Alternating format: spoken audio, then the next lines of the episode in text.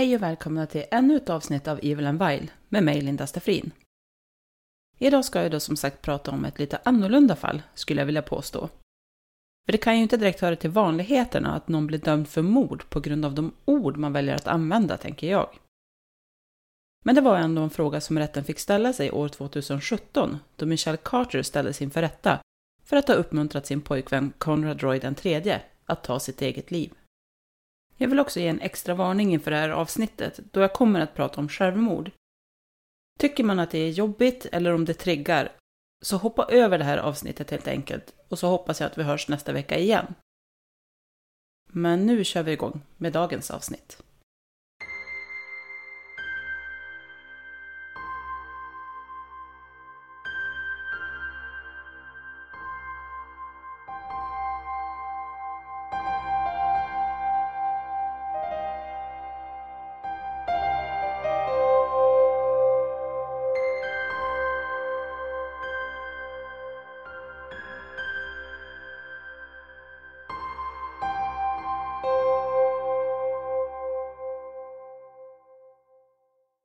Conrad Roy III föddes den 12 september 1995. Han jobbade tillsammans med sin pappa, farfar och farbror under många år i familjens företag. Han var en aktiv tonåring och han spelade baseball, rodde och sprang. Han blev antagen till Fitchburg State University och där skulle han studera affärsekonomi, men han deltog aldrig i de studierna. Michelle Carter föddes den 11 augusti 1996. Michelle var en person som om du var snäll mot henne så skulle hon vara så tacksam mot dig att det blev förvirrande. Om hon skulle göra dig upprörd skulle hon be om ursäkt 50 gånger och sedan be om ursäkt för att ha bett om ursäkt. Hon hade inte jättemånga vänner och ibland kunde hon göra överdrivna saker för att få uppmärksamhet. Utanför skolan höll hon sig mest för sig själv under första året på college så tappade hon så mycket i vikt att hon fick sluta i softballlaget. Michelle ville ha det självförtroendet hon såg i andra. En klasskamrat ska ha sagt om Michelle att hon var väldigt naiv och att hennes föräldrar verkade uppfostra henne väldigt skyddat. I juni 2014 blev Michelle inlagd på sjukhus för anorexia och hon ska även ha fått citalopram utskrivet för att bota hennes ångest och depression.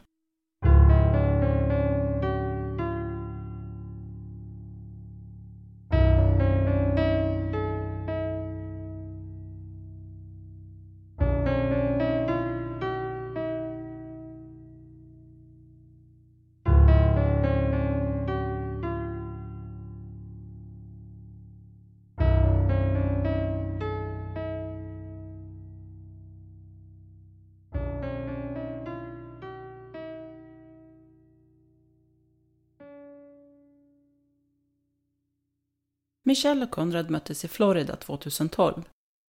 De hade båda varit där för att besöka släktingar. Michelle ska ha berättat för Konrad att hon föll för honom när de vid ett tillfälle hade cyklat ner till stranden tillsammans. Och efter det här första mötet såg de varandra endast en handfull gånger under loppet av två år, trots att de bara bodde drygt fem mil ifrån varandra. De gjorde ofta upp planer att ses, men det blev sällan av att de gjorde det. Däremot så hade de en mycket seriös och djup relation till varandra via sms och mail. De skickade tusentals meddelanden till varandra där de berättade om sina djupaste tankar. Inklusive Konrads självmordstankar och Michelles ätstörning. Enligt dokument från rätten så påstods det att Konrad hade blivit fysiskt misshandlad av sin pappa och psykiskt misshandlad av sin farfar. Han försökte ta självmord i oktober 2012 efter att hans mamma och pappa hade skilt sig. Efter att Michelle hade fått reda på det här så avskräckte hon honom upprepade gånger under 2012 och eh, 2014. Hon uppmuntrade honom också att söka professionell hjälp. Att båda ungdomarna brydde sig om varandra och att de själva insåg att de behövde hjälp var något som blev helt tydligt efter att utredarna hade samlat in de hundratals sidorna med sms.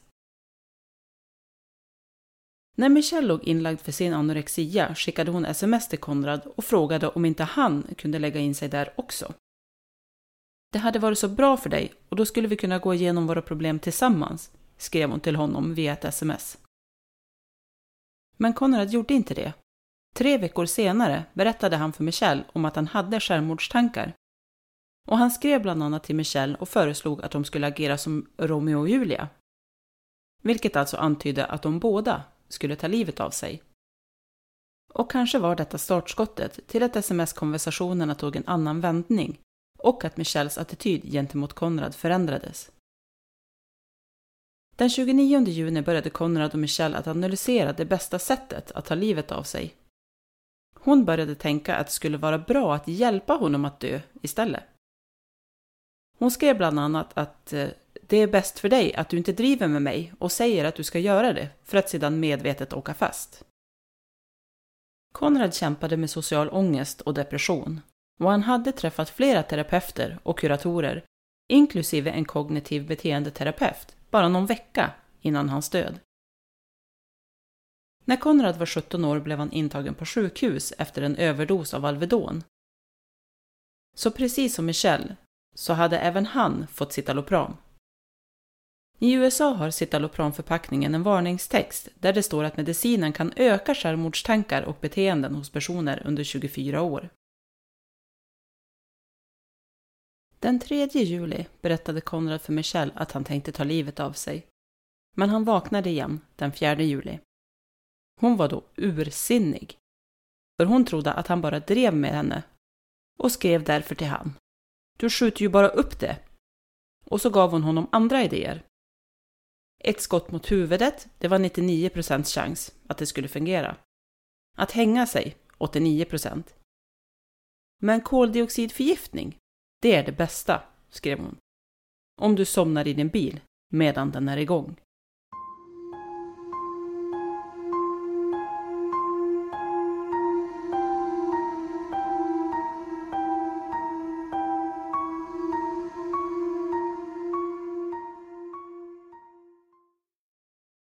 Lördag morgon den 12 juli 2014 körde Konrad ut sin pickup från gården och i bilen hade han en vattenpump med sig som han hade hämtat ut ur sin farfars garage. Han körde in på parkeringen bakom en Kmart-butik. Han pratade med Michelle två gånger över telefon. Och efter en lång sms-konversation med Michelle tog han slutligen sitt eget liv. Länk till de sms som skickades samma dag som han tog sitt liv kommer jag att lägga ut i avsnittsbeskrivningen. Så om någon vill läsa dem så kan man göra det. Och senare på eftermiddagen så ringde Konrads pappa hem och mamman svarade. Och pappan sa Det är gul tejp runt våran sons pickup. Några dagar efter Konrads död hittade pappan en dagbok, eller ett block där Konrad hade skrivit ner sina lösenord till sin iPhone och sin laptop. Men där stod också självmordsbrev. Och några av dem var riktade till Michelle. Håll dig stark i tuffa tider. Och eh, våra sånger, lyssna på dem och minns mig. Ett annat meddelande löd. Pappa, förlåt för att jag inte var den son du ville ha.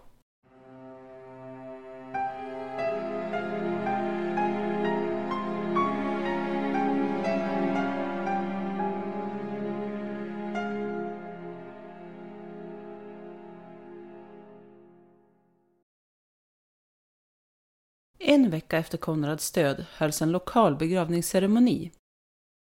Och i kön stod det en 17-årig blond tjej och väntade tålmodigt tillsammans med sin mamma.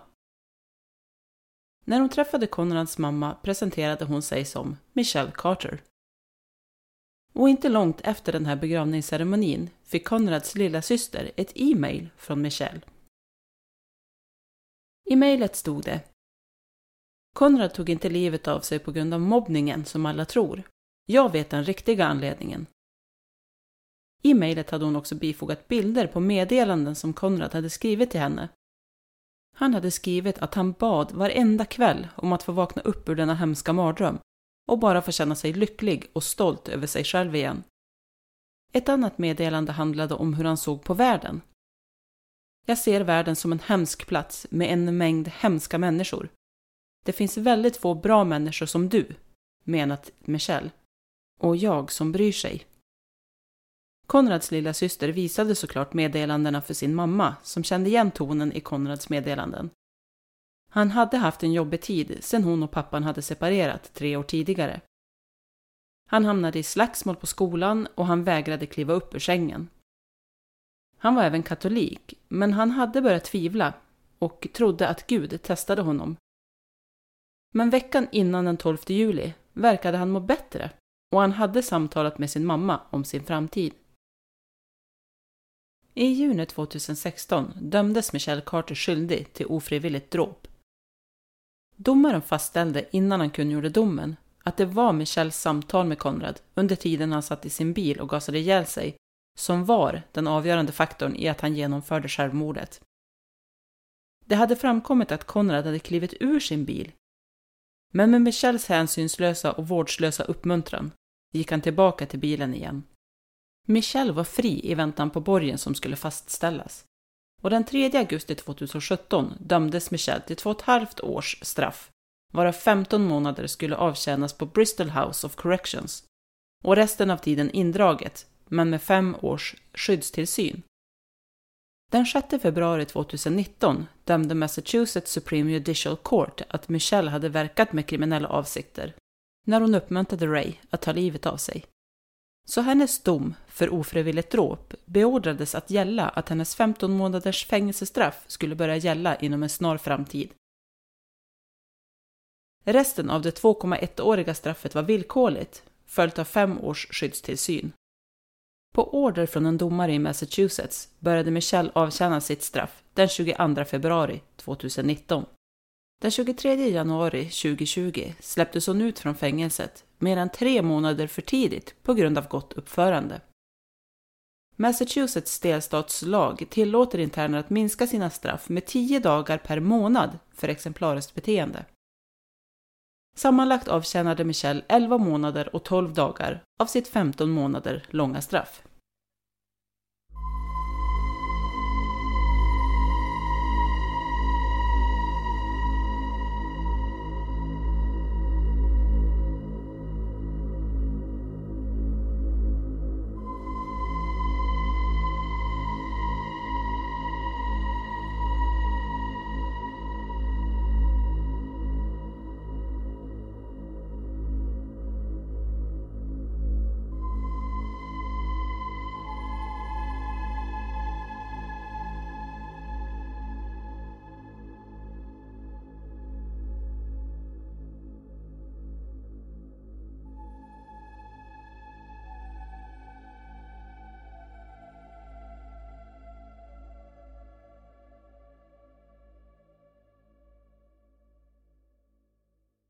Samma dag Konrad tog sitt liv, den 12 juli 2014, var han och hans mamma på en strand i Massachusetts och där pratade de bland annat om hans framtid.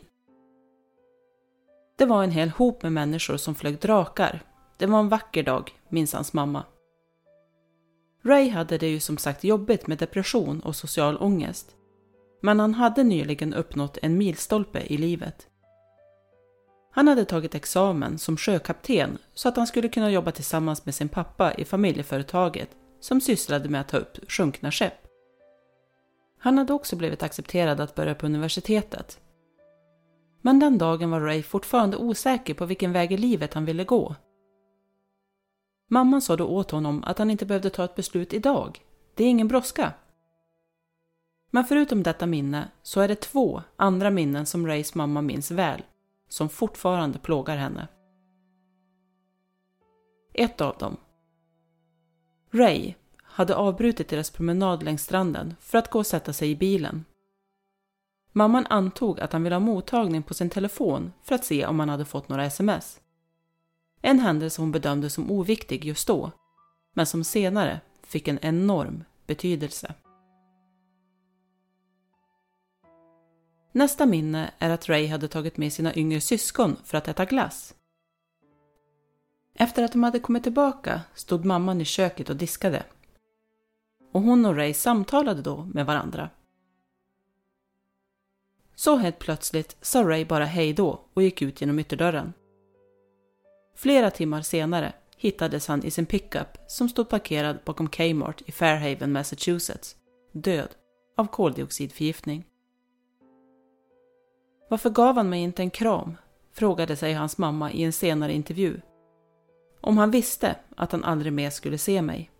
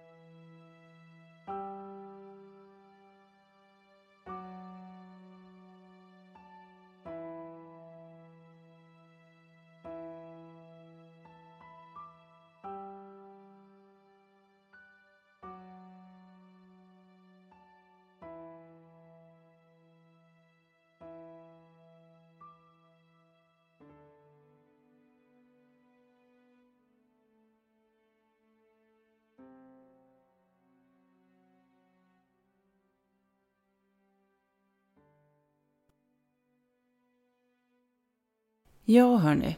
Det var dagens avsnitt. Och att brottas med ångest och depression, det är inte lätt. Och det skapar ett otroligt lidande. Att komma i kontakt med någon form av psykisk ohälsa, det är ju ändå någonting som de allra flesta människor kommer i kontakt med någon gång i livet. Antingen genom att man själv upplever det, eller genom att någon närstående gör det. Och det är ungefär 1200 personer varje år som tar livet av sig i Sverige.